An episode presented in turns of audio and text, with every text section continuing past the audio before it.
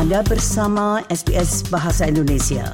Dapatkan lebih banyak lagi cerita bagus di sbs.com.au garis miring Indonesia. Premier Min telah memberitahu 2GB bahwa hari libur umum dapat berdampak positif pada keuangan negara bagian. Nah dalam sepak bola, bintang sepak bola lain tampaknya akan bergabung dengan gelombang migrasi besar-besaran menuju Liga Pro Saudi karena Paris Saint-Germain atau PSG telah menyetujui persyaratan dengan Al-Hilal untuk transfer Neymar.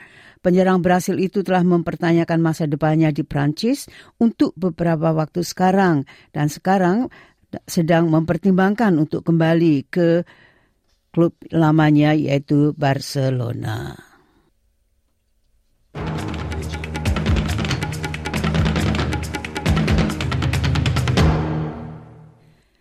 Nah sekali lagi sari berita penting hari ini penyelesaian hukum atas pembunuhan seorang pencari suaka Iran di Pulau Manus.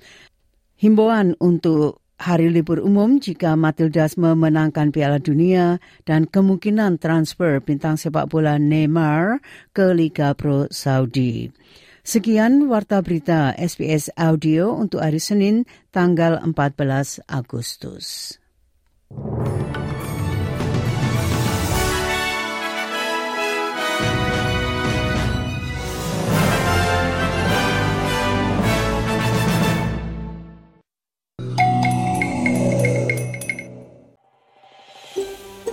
Anda ingin mendengar cerita-cerita seperti ini?